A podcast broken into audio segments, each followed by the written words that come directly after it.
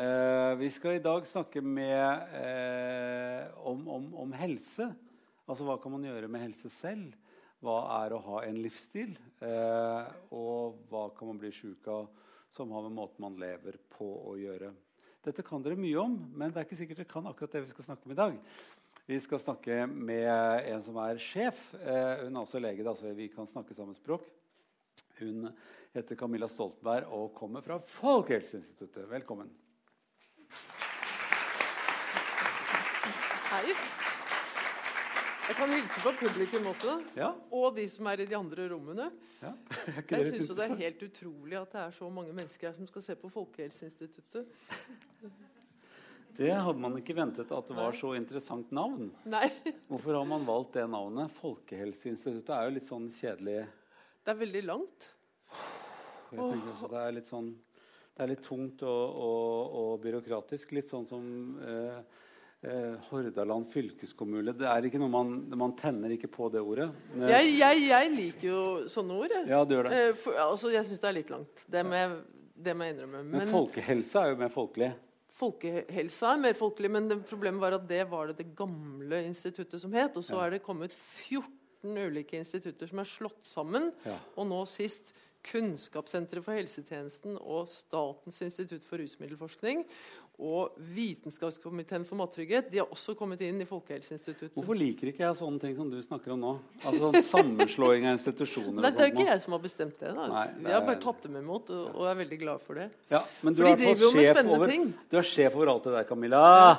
Eh, eh, og så skal vi snakke om hvordan vi lever, og folkehelsa. Hvordan er det med folkehelsa for tiden? Hvordan har vi det? Hvordan vi har det, er én ting, men det er veldig bra med folkehelsa. Ja.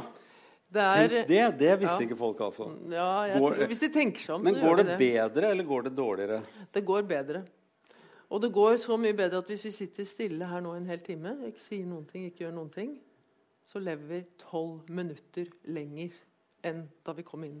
Nei. Tolv minutter hver time vinner vi i økt forventet levealder. Fordi at vi har det så fint her i landet? Ja, det er ikke bare her i landet. Det er eh, ganske mange land og det er noen land der det går enda fortere. De har gjerne et litt dårligere utgangspunkt.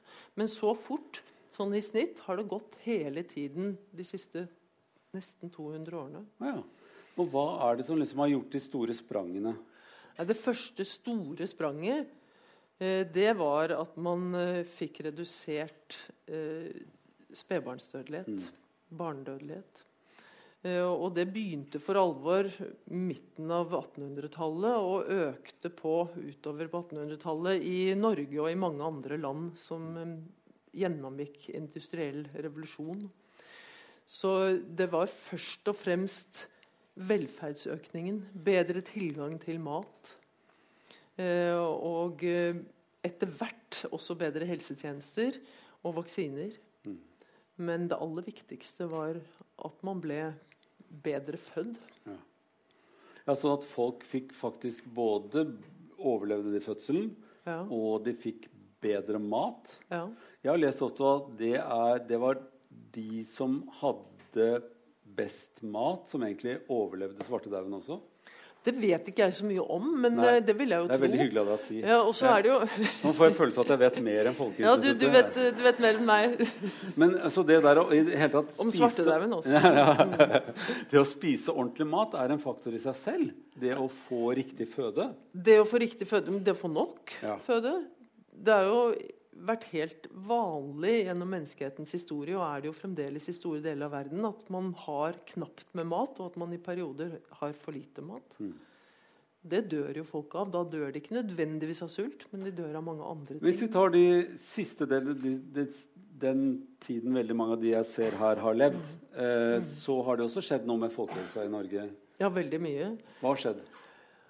Nei, Det som uh, har skjedd fra 1990 bare nå vet jeg ikke akkurat når alle dere er født, men la oss si 1990. Det er et fint tall. Det er litt over 25 år siden. Da har vi fått en voldsomt rask reduksjon i både dødelighet av hjerte-karsykdommer, altså hjerteinfarkt, hjerneslag, og også sykelighet. Altså folk blir, får de sykdommene mye sjeldnere og mye senere. Mm. Og Eh, man dør i mindre grad av det. Man dør senere av det, er det som er riktig å si. Ja, Så vi- folk er gamle når de dør av de sykdommene, mens før 1990 så var det ganske vanlig at særlig menn døde før de var 70 år av hjerneslag og hjerteinfarkt, men også kvinner. Fordi at vi, vi, vi får åreforkalkninger, eller forkalkninger i årene og åreforandringer. Ja, men vi får det senere. Og de fører ikke til død så ofte. Jo, de fører jo til slutt Vi dør til slutt. Ja, Det, Det er godt du minner oss på det. Ja. Ja. det har ikke Så til slutt ble det veldig dårlig med folkehelsen. Til slutt Ja. det, til slutt, det går veldig bra lenge, og så går det veldig dårlig. Veldig dårlig. Det, det er det eneste vi vet sikkert, og det har ikke endret seg. Men det som har endret seg, og som er en vesentlig endring, er det at det er en altså mer enn 50% reduksjon i risikoen for å dø før du har fylt 70 år mm. i Norge av hjerte-karsykdommer. Det er formidabelt. Og det betyr også at på 70-tallet, da var Norge et land sammen med Finland i Europa som lå veldig høyt når det gjaldt risiko for å dø av hjerte-karsykdom, hjerneslag, hjerteinfarkt særlig, tidlig. Og med tidlig mener jeg før man har fylt 70 år.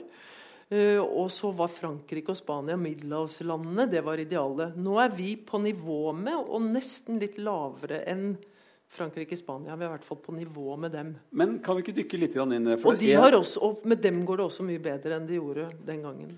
Hvis vi, hvis vi går zoomer litt inn på det, så mm.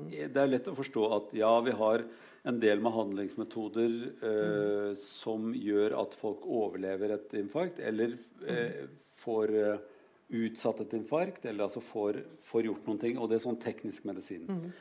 Det er jo flott. Det har vi råd til. Men hva er den komponenten som har med det vi gjør, å gjøre? Altså hva har noe med kostholdet og levesettet vårt å gjøre? Hva, hva har noe med livsstilen å gjøre? Det er et veldig godt spørsmål. fordi at Selv om vi er ganske sikre på det og vet en del om det, så er det fremdeles diskusjon. For det første er det diskusjon om hvor stor rolle har helsetjenestene spilt, og hvor stor rolle har bedre folkehelse spilt. Altså i, i praksis le, endrede levevaner. Eh, alle er enige om at endrede levevaner har spilt en veldig stor rolle. Så spørsmålet er mer er det 50% eller er det enda mer. Eh, og det vi har gjort det har vi gjort dels så Alle må jo selvfølgelig gjøre det helt selv. Men det er jo store samfunnsmessige endringer som har ført til dette. Og de vi kjenner til, er jo at vi spiser mindre transfett. Mindre mettet fett. Eh, og altså så, så 50- til 70-tallet så spiste man mye hard margarin med transfett. Og det var i all mat. Det var stor tilgang på det. Vi drakk helmelk. Vi fikk i oss mye av den type fett. Den endringen har vært viktig. Og så er det røyking. Hvis jeg skal peke på to ting, så er det de to tingene. Nå- Fordi det som har skjedd samtidig, er at kroppsvekten har gått opp. Og det trodde man skulle føre til høyere risiko. Men kolesterolverdiene har gått ned, og blodtrykket har gått ned. Og det har slått ut. Så eh, eh, la oss ta transfett, for det er litt sånn eh, utdannelse. Vi, eh, hvor, hvor er det det er nå, hvis vi skal se på de matvarene vi har for tiden? Nå er det nesten ikke transfett i norske matvarer. Nei. Eller matvarer som vi har tilgang til i Norge. Mm. Så det er ikke så mye vi bør holde oss unna lenger? Nei, og det, er- det er egentlig et poeng. For at det, du sa, altså vi, vi kunne jo hett Helseinstituttet, og ikke Folkehelseinstituttet. Det med folk det handler til dels om det at mange av de endringene som skjer, det er jo endringer som altså Regelverk, f.eks. Man sier at man skal ikke ha transfett i alle disse matvarene. Eller de som produserer matvarene, endrer seg. Og da er det veldig lett for oss å endre oss. Vi trenger ikke tenke nå på om det er transfett i matvarene eller ikke. Det måtte vi bare for noen få år siden. Nå det- er det så sjelden at vi slipper. det står jo sånn palmeolje. Skal, Ja. vi, skal vi si noe om palmeolje? Litte bitte grann. Ja, la oss si litt om Ja. palmeolje. Bitte litt grann om palmeolje. Nei, det er jo transfett i det. Det er det, Ja, vet du! ja. Så det, det, men, eh, men eh, det er jo veldig få matvarer der man bruker det. Så hvis man ikke liksom kjøper palmeolje og bruker det direkte, så får man det ikke i seg. Men står- Før var det gjemt inni mange av matvarene. Kjeks Ja. eksempel, uten, Ja, uten at det var så lett å forstå. Og nå står det veldig tydelig inneholder ikke palmeolje. Det kunne stått veldig mye andre ting det ikke inneholder. Ja. F.eks. granbar eller sånne Ja, ja, ting. Men eh, av og til så blir man litt sånn Ja, skal vi vite dette når det ikke er der. Nei, altså jeg er jo tilhenger av de usynlige tingene. Jeg er jo veldig glad for at det er noen andre som tar ansvar for at maten vi produserer, blir sunn. Så jeg slipper å tenke på det for hver eneste matvare og sjekke alt hele tiden. Jeg mener jo at det er en helt uholdbar måte å legge til rette for at folk skal leve sunt på. Vi må lage mat som gjør at man i hovedsak, og i all hovedsak kan være helt trygg på at spiser jeg dette, så er det greit. Ja. Men du vet allikevel at det er noen ting som det ikke er så Nå er vi på spisesiden, da, for Ja. det, er sånn, det kan jo folk gjøre noe med. Jeg trodde det var det du ville. Ja, ja, absolutt. men-. Eh, eh, hva er det andre ting som man ikke skal spise så veldig mye av? Og da må jeg si mye av. Eh, er, altså nei, da vi var yngre, Ja. så var det jo sånn at de gamle de saltet jo all maten. De bare, før de hadde spist på den, så bare helte de på det. Ja. Og noen tok også veldig mye sånn sukkerbiter i teen og Ja. sånne ting. Men var det sånn at da du ble gift, så så, så du stygt på din kone når hun saltet maten og tok Nei, sukkerbiter i jeg så ikke stygt på min så kone i det hele tatt når Ja. vi ble gift. Nei, Det lover jeg nei, deg. ikke med en gang, men sånn etter en stund. Nei, jeg ser ikke stygt på du- kona mi i det hele tatt, jeg. Ok, Hvis du hadde hatt en annen kone, ville, ville du da sett stygt på henne hvis hun spiste sukkerbiter og saltet maten? Nei, men jeg, jeg har jo lært at det var ikke så lurt. Og Ja. nå ser jeg, da når jeg var forholdsvis ung, da, så så jeg at de gamle de gjorde jo sånne ting. De saltet jo maten. Og Ja. jeg tenkte det var, da smaker det ikke noe Ja, men Da skal jeg fortelle deg noe. At uh, Dette er grunnen til at jeg li egentlig var litt nølen til å stille opp her. Mm. Fordi at jeg tenker at det er viktig å gi folk råd når de spør hva kan jeg gjøre for å bedre min helse. Mm. Men det er faktisk mye viktigere hva jeg sier til næringsmiddelindustrien, eller ikke jeg, da, men jeg sier det til helseministeren, og så sier helseministeren det til næringsmiddelindustrien. Fordi at F.eks. når det gjelder salt, så var det ikke det at de satt og strødde salt på egget sitt eller på tomatene sine som slo ut. Det var det at det var salt i alle matvarer, og at det var ikke lett å se hvor mye salt det var. Du kunne ikke unngå å spise de matvarene. For nesten alt saltet vi får i oss, som gjør at vi får i oss for mye salt, det kommer fra matvarer som har brukt salt i seg, som bruker salt for å lagre, som bruker salt for å tilsette smak. Og salt er et veldig godt eksempel, fordi at hvis nå, nå har man begynt å redusere salt i f.eks. ferdigbakte brød. Og det har man gjort så gradvis at folk merker det ikke. For hvis du bare trapper ned bitte lite grann, så skal du ganske langt ned før folk syns det er for lite salt. Men vi har gradvis vent oss til store mengder salt. Og så går det an hvis man, jeg tror det er Hver sjette uke kan man liksom trappe ned litt. Og i løpet av et år eller to så kommer man ned på de nivåene som er til å leve med. Som gjør at man unngår å få for mye salt. Og da kan man faktisk godt drysse på litt salt på maten. Ja. Ja, og det er jo veldig populært nå. Ja. Sånn flaksalt og sånt som, Ja. som henger på fingrene. Og Ja, jeg liker det, da. så sutter man på Ja. det. Ja. Altså salt, salt er jo godt, det er jo ikke det. Og vi må jo ha noe salt, ellers så dør vi jo. Ja, For du spurte hva man ikke skulle spise. Ja. Jeg vil si at det er veldig lite man ikke skal spise. Ja. Eh, Jeg selv har lyst til å smake på nesten alt. ja.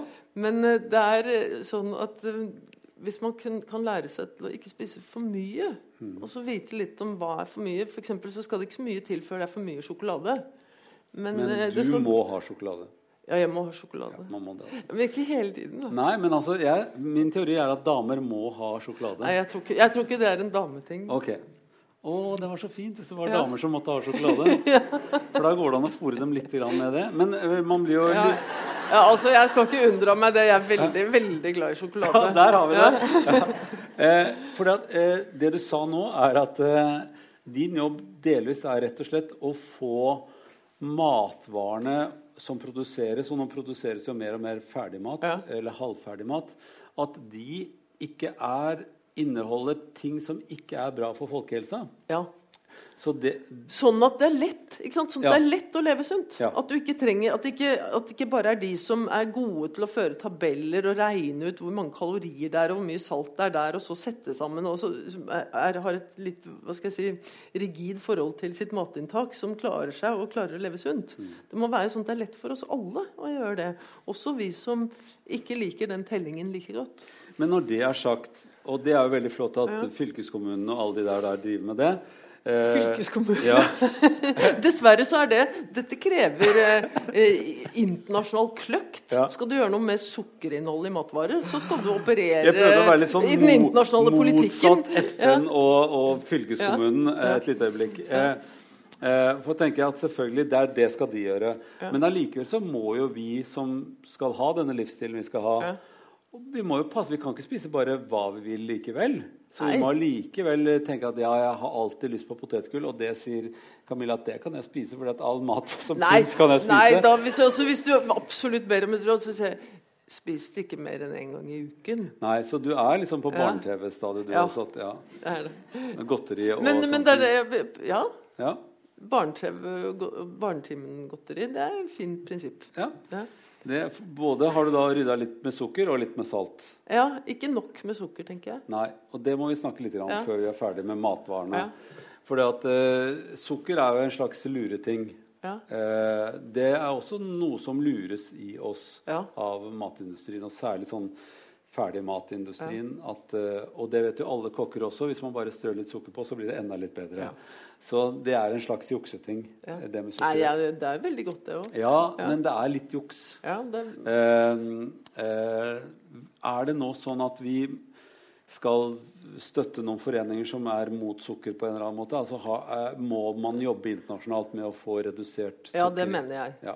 Eh, nå har sukkerinntaket gått ned i Norge. Og hovedgrunnen til det er at vi drikker mindre sukkerholdig brus, rett og slett. For det ble ganske upopulært rundt år 2000. Da var det masse oppmerksomhet om det. Og så sank salget ikke av eh, mineralvann, men av sukkerholdige brusdrikker. Og det stupte nesten. Og vi vet ikke sikkert om det er en årsakssammenheng, men det som stupte helt parallelt, det var andelen barn som ble født med fødselsvekt over 4500 gram. Og det tror man kan ha betydning for tendensen til å bli fet senere. Eller bli overvektig som barn. Så det kan hende Alt dette er litt spekulativt. Men det passer i tid. og det, det skal litt mer til før vi kan si at det er vitenskapelig bevist. Men det kan hende at det er forklaringen på at fedmeepidemien blant barn ser ut til å flate ut. Men eh, eh, dette er jo like lett å vite at det som smaker sukker, er sukker. Men det som er vanskelig, er jo å vite det sukkeret som man ikke helt vet at er der. Som er i altså Som du sa, det er mye salt i brød. Det er ikke så lett å vite før man vet det. Mm. Og sukker er jo også gjemt inni ferdigmatvarer. Er, vet folk det? Det tror jeg etter hvert. Det jeg ikke er tilhenger av, det er å snakke om sukker som den hvite giften. Jeg tenker Sukker er ikke en gift, det er bare at man trenger ganske lite av det. I hvert fall mindre enn det vi stort sett får i oss ganske automatisk av det kostholdet vi blir tilbudt, som er rundt oss overalt i dag. Og, og Derfor må man jo igjen være veldig bevisst, og det hadde vært mye enklere hvis det rett og slett var mindre sukker overalt. Ja. eh, Sånn at vi ikke fikk det like lett i Så oss. Så måtte vi- oppsøke det mer når vi syntes vi virkelig fortjente det. Ja, så eh, trenger vi en sånn, eh. Siden vi har hatt en sånn saltavvenning som Mhm. befolkning, eh, trenger vi også en sukkeravvenning eh, i matvarene? Ja, det tror jeg. Jeg tror det er ganske mange som driver med det privat. Men det er, er nokså krevende. Så hvis det skal nå fram også til de som virkelig trenger det, nemlig de som har lav utdanning, lav inntekt og spiser for mye sukker og oftere er overvektige og fete, da må man gjøre noe med prisen på sukker. Det er, det er viktig å oppfordre folk til å ha et bevisst forhold til sukkerinntaket sitt, og det er det jo en god del som får til. Men det er krevende. Men er det sånne sukkerpushere i verden? Ja, det er enorme sukkerpushere i verden. De er eh, rike og mektige. Da har både jeg sagt det, og så har du sagt det. Ja. At ja, det Men Nei, jeg har Ja. ikke sagt hvem de er. Men, Nei, men jeg har sagt at det stemmer. Mm. Ja. Det er pushere på den siden også. Har det vært saltpushere? Ja, på en måte. Men ikke i samme grad, tror jeg. Mm. Det, mm, det er ikke like viktig for verdensøkonomien, blant annet. Eller for en del lands økonomi. Ok, da er vi ferdig med det. Salt og sukker er vi salt og sukker er vi litt ferdig med. For at, eh, jeg tenker at eh, selv om jeg hadde prøvd å la være å spise mye salt og sukker, Mm. så hadde jeg li- likevel fått det gjennom industrien hvis ikke noen andre hadde gjort dette her og Mm. Ja. Og egentlig så er det jeg jobber med, er jo å se på hva er de systemene, hva er de strukturelle tingene som det går an å endre på, som regulering, pris, tilgang, reklame, og hvordan virker det inn på folks helse? Altså tilrettelegge for at det er lett å velge sunt. Mm. Ikke så mye å fortelle folk hva de skal gjøre på individuell basis. Det er det veldig mange andre som er gode på. Ja, men Og er driver med hele tiden. Og lever godt av å skrive bøker om og tjene mye penger på. Ja, og, og eh, det er vel også sånn at eh, jo mer sånne råd man gir, jo mer er det mange som ikke vil gjøre det. Ja, jeg er jo veldig redd for at hvis jeg som direktør for Folkehelseinstituttet begynner å gjøre det, så er det noen som tenker jeg skal i hvert fall ikke gjøre det hun sier. ja. Hun ser så så vellykket ut. Jeg vil ikke være så vellykket som hun ser ut. Ja, uh, Så tenker jeg at uh, det, er, det det er bedre at andre gjør det, og så kan jeg jobbe med det som er tilsynelatende litt kjedeligere. Jeg syns jo det er vel så spennende, da, Mm. nemlig å legge til rette for det på et samfunnsmessig plan. Men du eh, sa også veldig fort eh, at uh, folkehelsen er blitt, altså hjerte-karsykdommer er blitt litt bedre også fordi at eh, vi røyker litt mindre. Og det sa du i en veldig fort og grei setning. Ja, det med røyking. Ja. Ja. Men røyking det er folk så lei av å høre om. Samtidig som man kan jo ikke unngå å si at det faller en stein i huet på deg som heter røyking. Eh, for du blir jo altså Hvis man begynner å røyke, så er man ute på en, en farlig vei i forhold til disse sykdommene. Ja, altså For å si det litt forenklet, så er det slik at to av tre av de som røyker, de dør tidligere enn de ellers ville gjort av det. Og det er veldig vanskelig å vite om man tilhører den tredjedelen som blir 96 selv om de røyker. Nå så jeg forresten at verdens eldste mann inntil for noen dager siden døde, og han ble spurt for noen år siden hva som var hans råd for å leve så lenge, og det var å ikke røyke og ikke drikke alkohol. Ja. Og være lykkelig. Ja, og to av de Var det noen tingene? Ja. Ja, jeg tror det var litt flere ting, sikkert. Det- jeg hadde med sikkert glemt han var jo 112 år. Ja. eh, Så Men dette, dette var en avsporing. Det var det med røyking. Altså, Ja. Det dør jo fremdeles 6000-7000 mennesker i året i Norge pga. røyking. Altså, det vil si de dør tidligere enn de ellers ville gjort. De taper leveår. Men det er et vanskelig salgsobjekt, det der å dø litt tidligere. For hvis jeg, hvis jeg skulle ta bort noe av livet mitt, så ville det jo være de siste årene. ja, ja. Det, det, jeg skjønner jeg det. Jeg, de var, har vært veldig greit hittil. Jeg er jo forberedt på at det er de siste som ryker. ryker. jeg forstår det. Men Ja. du vil jo gjerne at de skal være etter at du har fylt 90. ja jeg vil jo, Ja. vil jo sette meg inn i en drosje og dø i en drosje på vei til et eller annet gøyalt. Ja. Eh, ja. Ja. Men jeg er forberedt på Og jeg vil, ikke ha, jeg vil ikke ha alle de årene jeg har igjen, helt til slutten. Jeg vil ha, jeg vil ha det gøy nå. ja, men er det så gøy å røyke? Nei, jeg røyker jo jeg, jeg ikke. vet ikke Ja. Nei, jeg, jeg hadde jo ikke noe grunn til å bli røyker. Jeg hadde jo ikke noen som øvde meg opp. Nei. Men, men det hadde Jeg hadde det, og, og Ja. jeg også må fortelle en historie. For at jeg ble lagt inn på sykehus da jeg var eh, ti år gammel med bihulebetennelse i 1968. Høsten 1968. Det var veldig skummelt. Eh, Russland, nei, Sovjetunionen hadde nettopp invadert Tsjekkoslovakia, så jeg forbandt det på en måte med den uhyggelige følelsen der. Og så var jeg for lang til å ligge i barneseng, så jeg ble plassert i voksenseng. Og var på voksen øre-nese-halsavdeling. Og jeg var jo ikke spesielt syk, men jeg tror det var sånn at hvis man kom på sykehus den gangen, så ble man der. Ble man syk, da? Nei, da ble man der en uke. Det var, Ja. det var liksom rutinen på sykehus.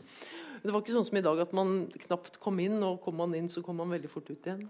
Så jeg gikk jo rundt der og var ganske frisk og lærte jo veldig mye om den voksne kroppen, Mm. som jeg ikke kunne fra før. Jeg har jo noen ganger lurt på om det var det som gjorde at jeg ble lege, at jeg den uken på sy eller var den uken på sykehus. Men et, en av de tingene som virkelig gjorde inntrykk, det var jo at på en øre-nese-halsavdeling i 1968, da røkte jo alle pasientene. For det, det, det virker fremmende på den type sykdommer som gjør at man havner på ørenes halsavdeling. Ja, de røkte inne på sykehuset. Ja. Jeg tror ikke de røkte på rommet, men de røkte i korridoren og de røkte i dagligstuen der jeg satt ti år gammel og la kabal hele uken og, og fulgte med på hva de voksne sa og gjorde, og hvilke sykdommer de hadde. Og så var det en distingvert eldre herre med, som hadde med seg For vi andre gikk jo i sånne sykehusslåbroker, men han hadde røkjakke. Er det sant? Ja, med sånne slag med silke her. Og jeg, jeg tror den var skotskrutet. Og som, sånne små snorer. Og veldig elegant utseende mann. Og han røkte pipe. Han gikk fram og tilbake i korridoren og så mager og ulykkelig ut, men distingvert. Og så så jeg plutselig at piperøyken kom ut av et hull på halsen hans. Og senere har jeg jo skjønt at han sannsynligvis var operert for strupekreft, som har sammenheng med røyking. Men det visste jeg ikke den gangen. Jeg var fascinert av den røyken som liksom gikk inn og så rett ut igjen.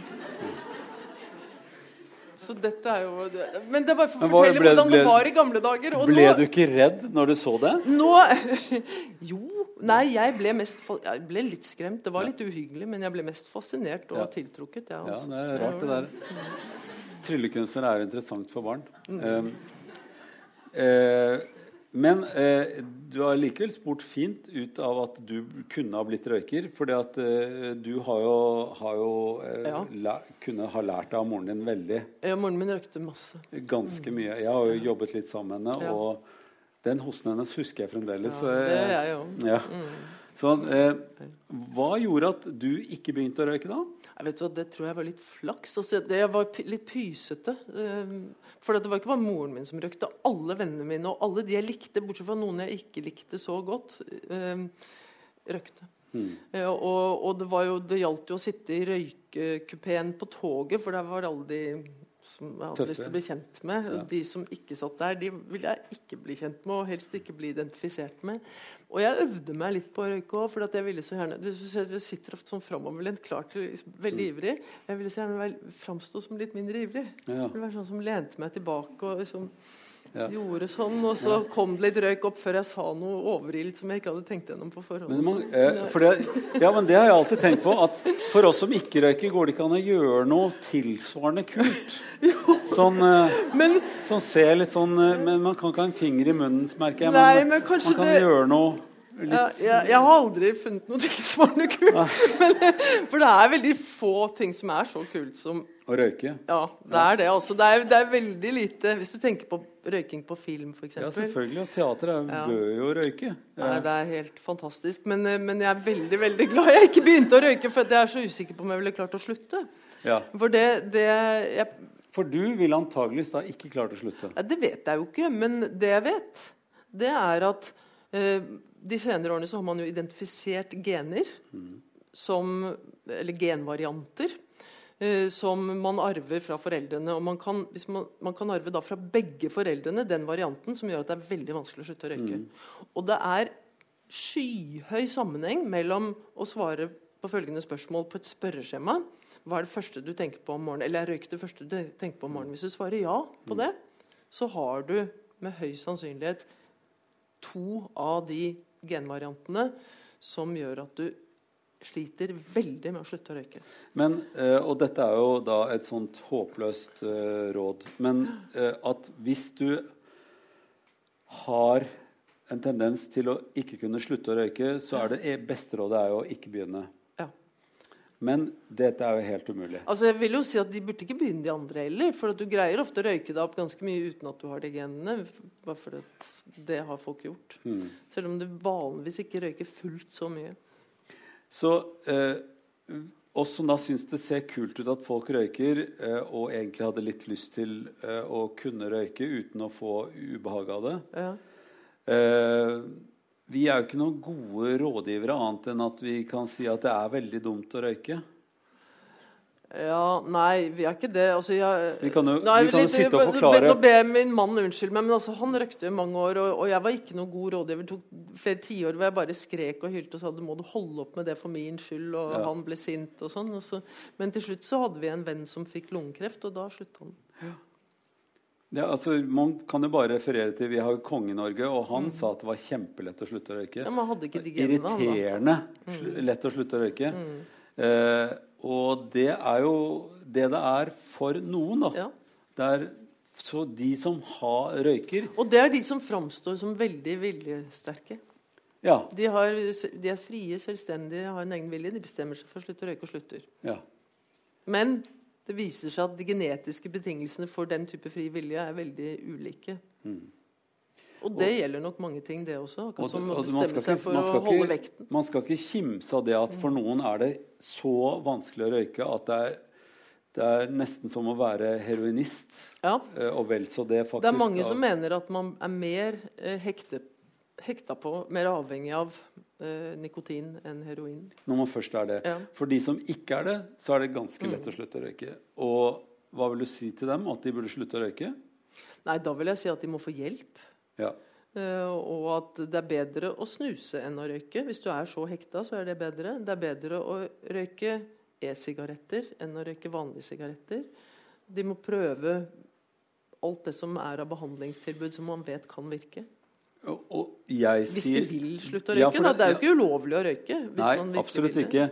Men hvis man eh, har vært borti folk som er veldig sjuke av Ja. å ha røykt, særlig lungesjuke, så er det veldig vanskelig å si at det der, der det er en kul ting du burde fortsette med.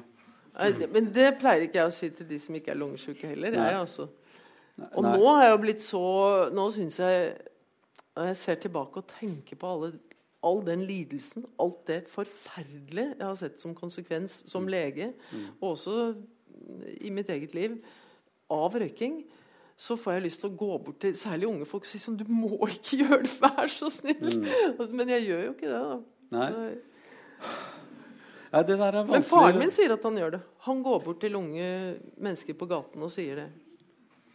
Men sa han det til moren din også? Ja, men det hjalp jo ikke. Nei, det er nettopp Nei, det. så han Så han bør ikke gå bort til folk på gaten heller, for det er ikke sikkert det hjelper. Nei, men kanskje det gjør det. Ja. Men noen gjør det nok det. Men skal vi si det til folk? Det burde slutte. Ja, det syns jeg jo man skal si. Eh, Men det er jo ikke noe vits i alt det. Altså, det, er jo, det er jo ikke noe vits i at de bare blir lei seg og sinte. Altså, da tenker jeg at De må heller finne andre måter å formidle det budskapet på. Mm.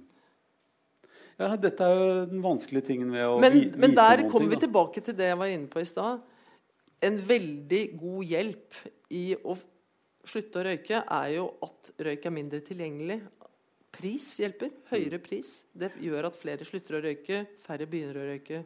Eh, regulering mot reklame gjør at det hjelper. Røykeloven, som har kommet i flere trinn, men det siste er jo veldig kjent, eh, har hjulpet veldig. Mm. Så nå er det få som begynner å røyke, og mange som har sluttet. Men eh, kunne man lage det sånn at folk slapp å ha det som noe man kunne velge?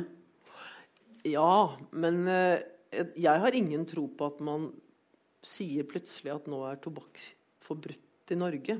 Nei. Det tror jeg ikke. Så i butikkene, Man kan ikke si at de som eh, selger tobakk, kunne Eller det, det skal det være til, salgbart, men kunne man si til de som er bak disken, at de kan prøve å høre litt dårlig? Altså Når du sier jeg skal ha en 20-pakning Hva sa du?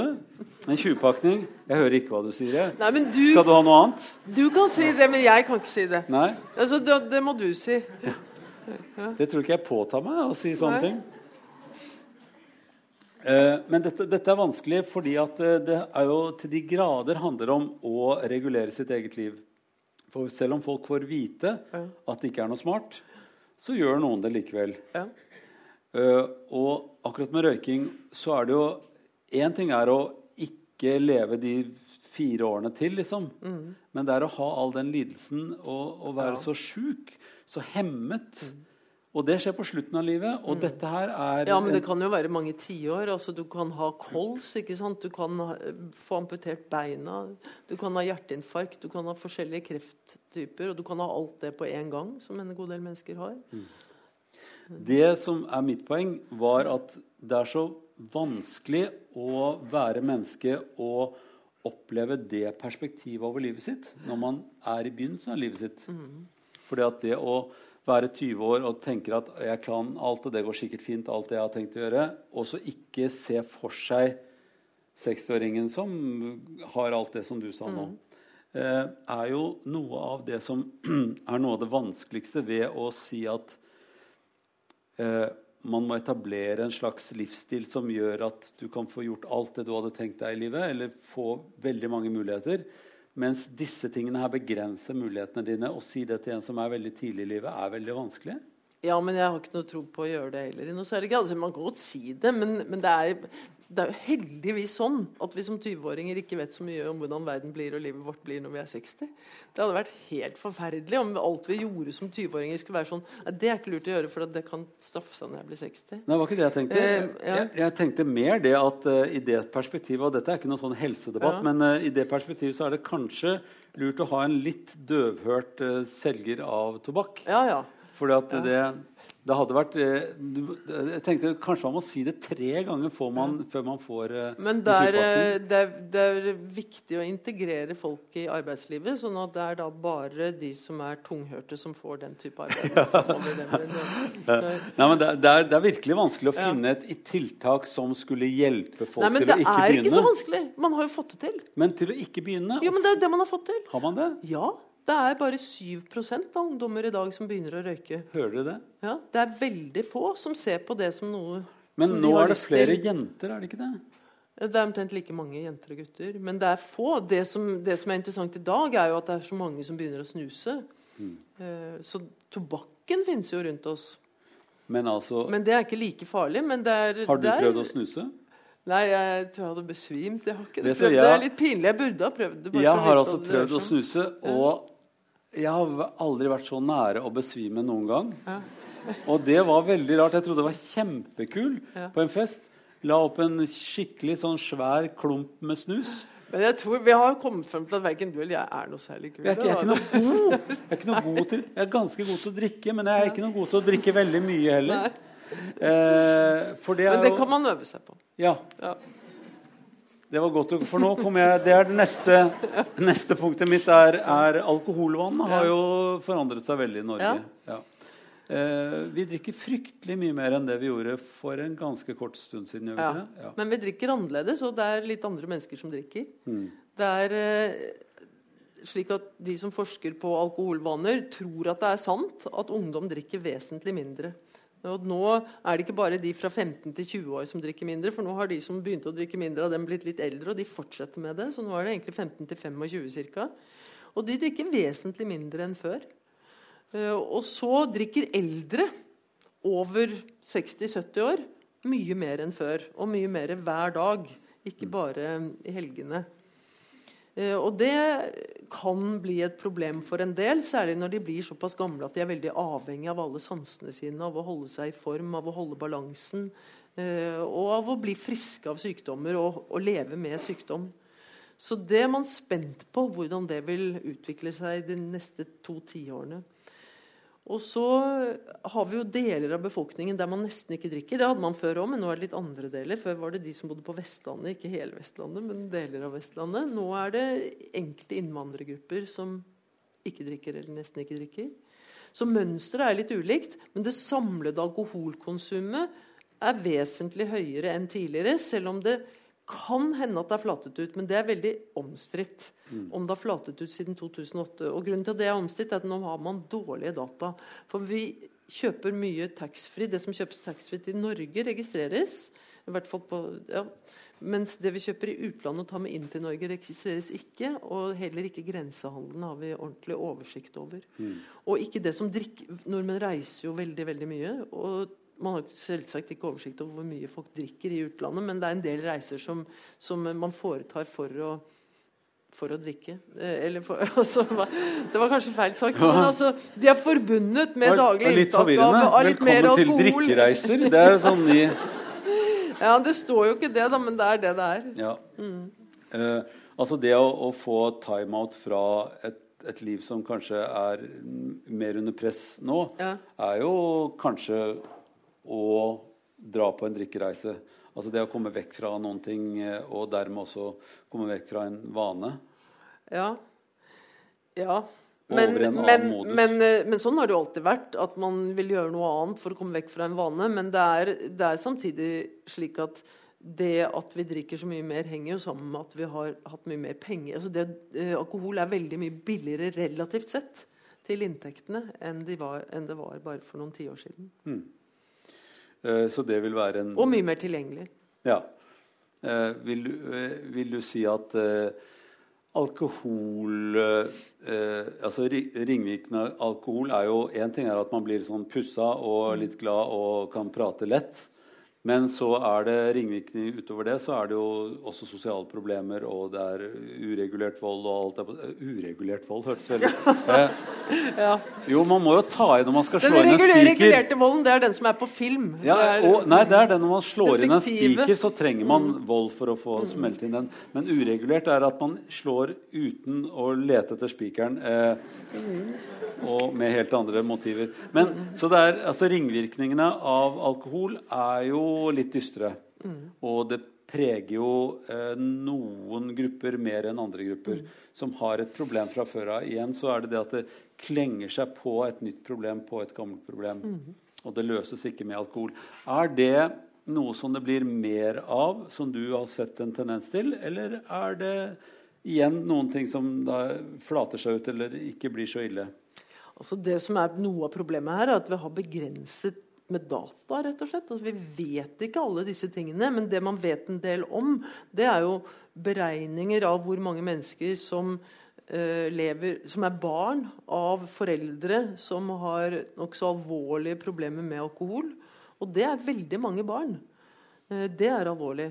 Og man snakker jo mye mer nå om hvordan tredjepart lider eh, av alkohol eller rusmiddelbruk i det hele tatt. Ikke brukeren, men Men den pårørende. ja, de eller pårørende, eller de som man jobber sammen med, eller de som man, eh, man kjører på i trafikken, eller de som blir rammet av vold pga. Uh, rus. Mm. Så, så, så det er det større oppmerksomhet rundt, og det har man jo begynt å regne på de senere årene. Og det er formidable tall. Eh, Så det er en viktig side ved det. Og så, tror jeg eh, at det, det er ikke godt nok beskrevet For røyking er det veldig godt beskrevet. Hvordan virker røyking på nesten enhver sykdom? Hvordan virker det hvis du har diabetes hvis du har astma, som, både som årsak og som noe som forverrer tilstanden? Hvordan virker det sammen med medikamenter? Men med alkohol er det mye dårligere beskrevet hva som er de faktiske medisinske konsekvensene.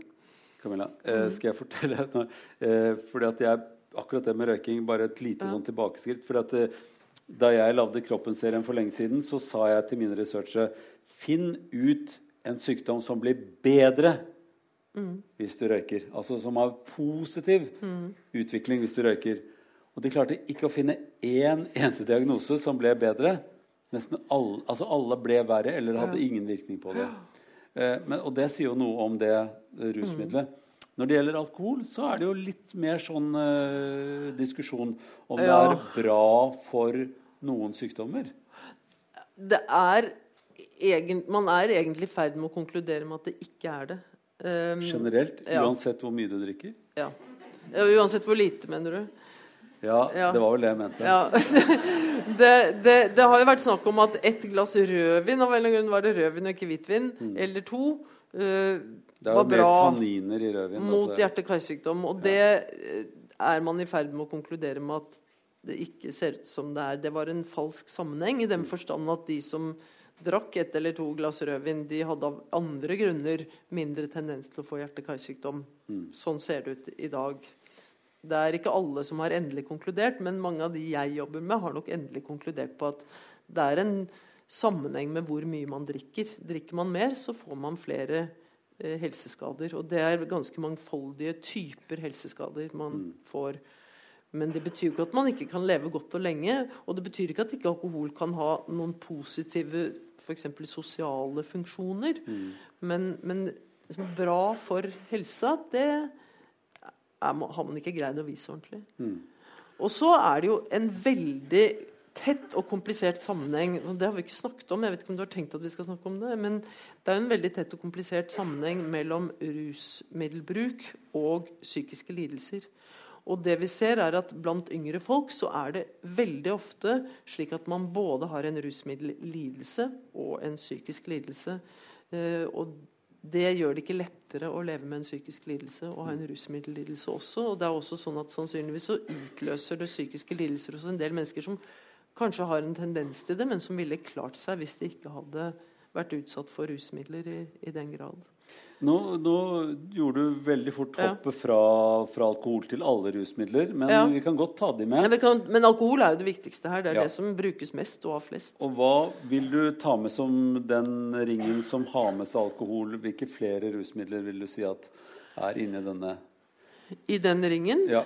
Altså, du, du har ikke heroin inni der, men uh, la oss du Jo, har det er alle, alle slags uh, oh, ja. illegale rusmidler. Og det er rus, rusmidler som er legale, altså de som er skrevet ut på resept, men Ja. som i stor grad misbrukes. Jeg det tenkte du skulle Eller differensiere det litt. Grann, ja, for det er. Mm. vanskeligere å, å få tak i heroin enn det er å få tak i valium. Ja, Ja.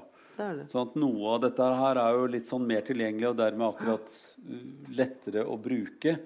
Eh, og er mer utbredd. Mm. Altså eh, Folk som får valium av noen de kjenner, er Ja, det mye vanligere enn de som får heroin av noen de Ja. kjenner.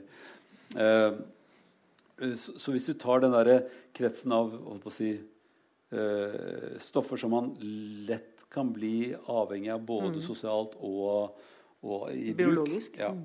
Så, eh, så, eh, så sier vi plutselig noe om at dette påvirker hjernen din sånn som det er lett å skjønne at alkohol gjør. Mm. Og at, at det vil gi deg en, både en vane og en livsstil kanskje som til slutt gjør deg sykere, ikke bare kroppslig, men også uh, sjelelig. Mm.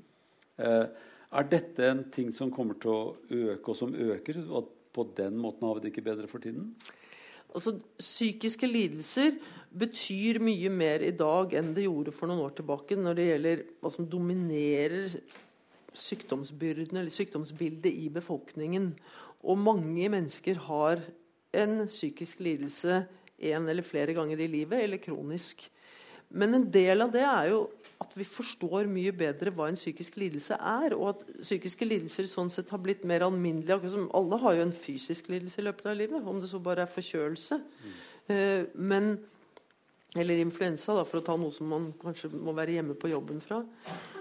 Og på samme måte så, så vi, skjønner vi mye mer at det er normalt å ha en periode eller flere i livet, og noen har større sårbarhet for det. Så vi, vi har et mye mer nyansert bilde av hva psykiske lidelser er. Samtidig så er det også diagnoser som er tatt i bruk, som f.eks. autisme eller ADHD. eh, Som hvis vi legger sammen en del av de diagnosene, så er det i størrelsesorden 8% av alle barn som har en slik diagnose. Og det er mange. Det er en veldig stor andel av befolkningen.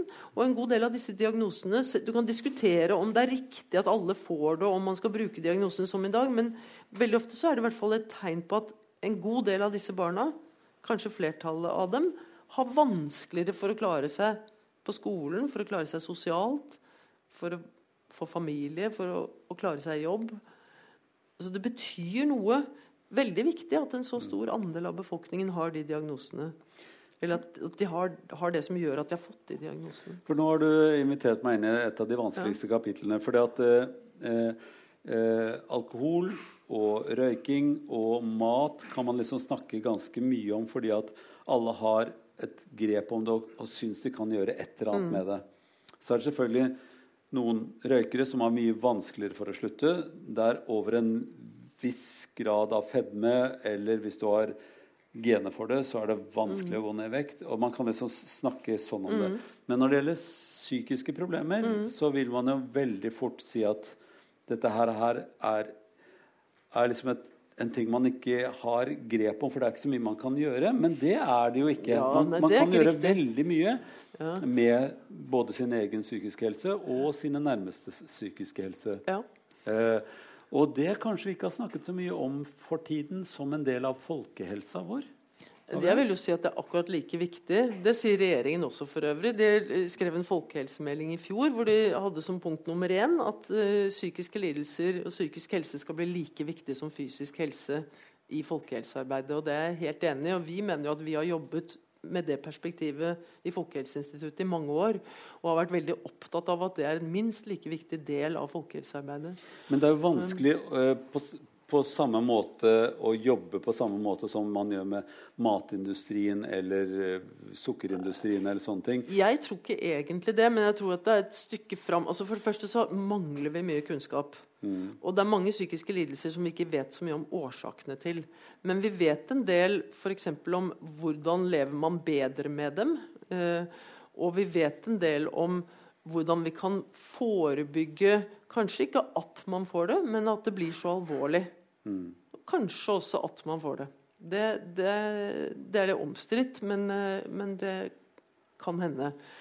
Og det handler jo mye om hvordan legger vi opp barnehager, skolen eh, Frafall i videregående skole. Det er ikke sånn at alle som faller fra, har en psykisk lidelse, men blant de som faller fra, er det mange flere som enten har en psykisk lidelse på forhånd, eller som, som er i ferd med å få det, eller får det i tilslutning til det. Så det, det å jeg tror vi må tenke mye mye mer på hvordan utformer vi barnehagene, hvordan utformer vi skolene, hvordan utformer vi arbeidslivet for å kunne både leve bedre med psykiske lidelser og for å kunne forebygge at man får dem eller at de blir så alvorlige. Mm. Og det handler om samfunnsmessige forhold, det også. Ja, for... I tillegg så vet man jo at også for de med psykiske lidelser så spiller mange av de vanlige levevanene en stor rolle. Folk med alvorlige psykiske lidelser, altså psykoselidelser, schizofreni, bipolar lidelse, de har en forventet levealder som er 20 år kortere enn resten av befolkningen. Det er veldig mye. 10-20 år. Og hvis man ser på hva det skyldes, så skyldes det i forholdsvis liten grad at de dør av selve lidelsen. Altså at de f.eks. tar livet av seg. Eller, men, men, det skyldes at de dør av hjerte-karsykdommer og kreftsykdommer. Som de enten får fordi de røyker mye mer enn resten av befolkningen, eller rusmiddelbruk er også viktig her. Og fordi at de bruker medikamenter som gjør at de blir overvektige, og så får de hjerte-karsykdommer. Så Det er ganske sammensatte årsaker, men det er hjerte-karsykdom og kreft de dør mer av. Mm. Og det går det an å gjøre noe med. Mm. Og hvis man klarte å gjøre noe med det, så er det ikke bare for å unngå at de dør tidlig, men det gjør jo noe med hvordan livene deres er mens de lever med de lidelsene. Men akkurat som vi da snakket om at uh, du bør ikke drikke så mye brus, du bør helst ikke røyke, så er det, så er det også ting som man psykisk sett kan jobbe med eller bør og bør ikke gjøre. Eh, har dere fra Folkehelseinstituttet noen, eh, noen, folkeråd om sånne ting? Ja. Sier dere at det er lurt å ha gode relasjoner til noen mennesker? Eh, det er god, lurt å, et, å, være glad i noen? Det er lurt å være glad i de man er glad i? Ja da, men vi sier det også noen av oss. Men, men, og det er viktig. Men jeg tror på en måte ikke at hvis du sitter og er veldig deprimert, så, så kan du bare ta deg sammen og gå ut og være glad i noen, og så blir det bedre. Jeg, jeg var ikke i nærheten å si noe om det. det er bra. Men, men, det jeg tenker er at det er mye viktigere hvordan hvordan jobber man med at alle skal føle at de er del av et fellesskap i barnehagen og i skolen? Mm. Og det er mye oppmerksomhet om, om mobbing og å unngå mobbing og hvordan man jobber med det. Det tror jeg er veldig viktig. Mm. Eh, men mobbing er samtidig definert som noe ganske, tross alt ganske dramatisk. Jeg tenker at det, går, det er enda mer grunnleggende enn det. altså Hvordan sørge for at folk tar ansvar for hverandre og har respekt for hverandre. og disse grunnleggende tingene. Eh, det er veldig vesentlig. Men er dette, er dette noe man å si, eh, kan lære seg tidlig i livet. Altså, Én ting er at du lærer av dine foreldre, du er født inn i en familie hvor folk er glad i hverandre, hyggelig mot hverandre, mm. tar ansvar, bla, bla, bla. Men så er noen født inn i en familie hvor nei, det er, det er ikke sånn familiekultur. Her, her, her, er det ikke så hyggelig og varmt å være alltid, og man er et barn som er i et sånt miljø. Eh, og så vet man ikke helt om man skal komme ut av det når man er litt oppi og har fått en, mm. en levevane. da. Eh, Men det er klart man kan lære det òg. Mm. Og så vil det være veldig ulikt hvor lett det er for en å lære det. Men det har jo ikke noe fokus i, i barnehage- og skolehverdag, annet jo. enn at du ikke skal mobbes. Ja, men i økende grad tror jeg det har det. Men jeg tenker at vi må, vi må være åpne for å diskutere mye mer grunnleggende ting. Mm. F.eks. Eh, det at det nå er så høye krav til å klare seg i skolen. Altså det, du, høye krav når det gjelder digitale ferdigheter, leseferdigheter. Eh, det er mye hardere konkurranse tidlig. Eh, det er sikkert bra for en del ting, at vi får flere flinke som kommer fram. Men hvor bra er det for de som er i ferd med å falle fra, falle ut? Er det slik at flere faller ut på den måten, eller er det noe vi kan gjøre som balanserer dette bedre? Mm. Men, eh, ja. Jeg tenker også på at Nå sitter jo masse mennesker her som mm. lurer på er det noe jeg kan gjøre for å få en bedre psykisk helse. Og det er ikke så lett å gi sånn generelle råd om det, sånn som det er om røyking og, og spising og sånt. Nei, men du kan si at det, det, er jo noen ting man kan enten be om hjelp til, for mange trenger jo hjelp av andre. Uh, eller så kan man prøve å gjøre det. Og det kan ofte være ganske enkle ting. Nå tenker jeg ikke på veldig alvorlige lidelser, men det kan spille en rolle da òg. Som f.eks. å prøve å sove. Mm. Eh, prøve å sove regelmessig. Eh, prøve å ikke bruke rusmidler og se om det da går litt lettere. For det er veldig lett å bruke rusmidler for å trøste seg eller for, for å Mm. Komme bort fra smerten ved å ha en psykisk lidelse. Så det er ting man kan gjøre selv i aller høyeste grad. Men først og fremst så kan man jo prøve å tenke på altså nå tenker jeg ikke på Hvis du har en psykisk lidelse, men jeg tenker på, du kan prøve å tenke på hvordan skal jeg bidra til at de rundt meg ikke utvikler psykiske lidelser. Ja, og, det, og sånne, ting, sånne enkle ting som det å lære seg å akseptere, det å lære seg å, å se andre, det å lære seg å snakke med folk. Altså sånne helt basale ting som folk føler seg utenfor ved Mm. å ikke bli akseptert, ved å ikke bli sett, ved å ikke bli hørt på, eh, er jo noe som er, er å stå på, på å si feil side av den dumpusken, hvor det, blir, det kan bli verre. Og så kan man gjøre det motsatte, så kan det bli bedre. Altså Det kan bli en grobunn for bedre psykisk helse.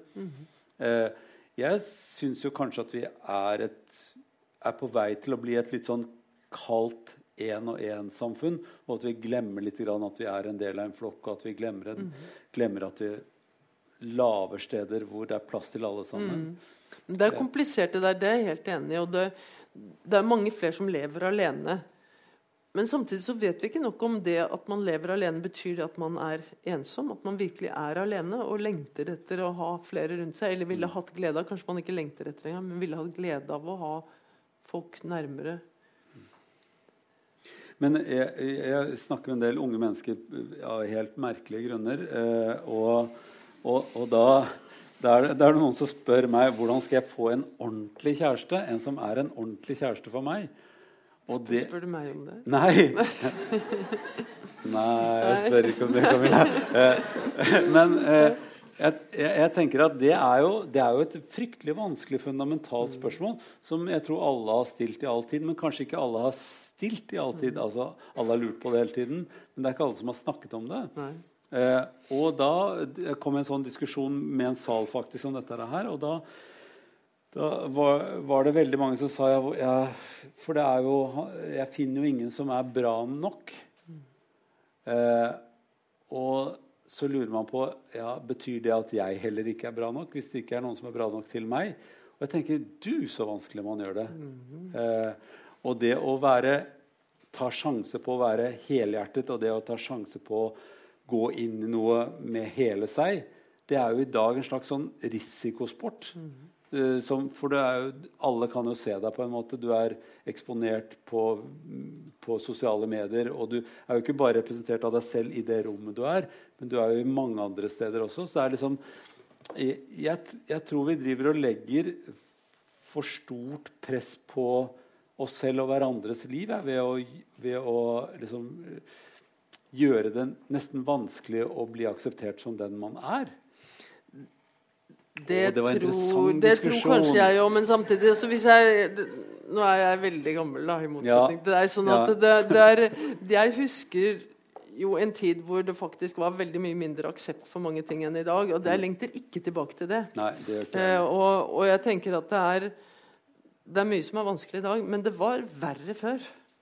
Eh, og det var verre at folk måtte, Er du, si- hvordan ble du så optimistisk hele tiden? Nei, det er ikke Eh, egentlig optimisme. Det er mer at jeg bare tenker på hvor grusomt glad jeg er for at ikke jeg, le, at ikke jeg tilhører den forrige generasjonen, eller den to generasjoner før det. Altså En ting er de tingene vi snakket om i stad, at det var usikkert om man overlevde fødselen og om man overlevde første leveår og sånn. Men alt det der med at man måtte gifte seg, at, man, at det var vanskelig å få utdanning, at det ikke var tilbud om det til alle. Eh, at man ikke kunne stå fram som homofil. At man, det, det var jo så mye som var helt forferdelig. ja. Og som er bedre i dag. Jeg sier ikke at det er bra, og at det ikke er veldig mye som er vanskelig. Og en del av vanskelighetene er jo nettopp mulighetene til å velge hvordan man vil leve i større grad. Og det er veldig vanskelig å velge. Men det er, eh, er mye fint ved det. Jeg ville valgt, Jeg ville valgt det om igjen. Altså ikke jeg som har valgt at det skulle bli sånn, men jeg er veldig glad for at det har blitt Men jeg, sånn. jeg vil også gjerne levd nå, så jeg ikke, ja. og jeg tror ikke jeg kan gjøre så mye med det.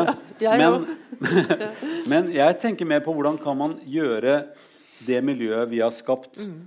bedre for de som da sliter med psykisk Ja. helse. Fordi at det er jo eh, Altså, vi har alle eh, eh, sånne sjelelige forkjølelser. Eh, engstelig for ting eller gruer seg for ting. eller sånne ting Som er helt vanlig. Alle har det sånn. Og så kan man fort definere det som en sykdom, som ikke behøver å ha en diagnose, men som er det å slite med noen ting. Og det at man sliter med noe fysisk, det er det mye lettere å se. Men i vår tid så, så har vi heldigvis et sånt miljø hvor det går an å snakke, og det å bli akseptert og det å bli sett er en kultur det går an å smitte, smitte rundt seg med. Eh, og så rett og slett være grei. Og ikke være sånn at man gjør det vanskeligere enn alle har det vanskelig nok, tenker jeg. At man må, må prøve å være, eh, være grei.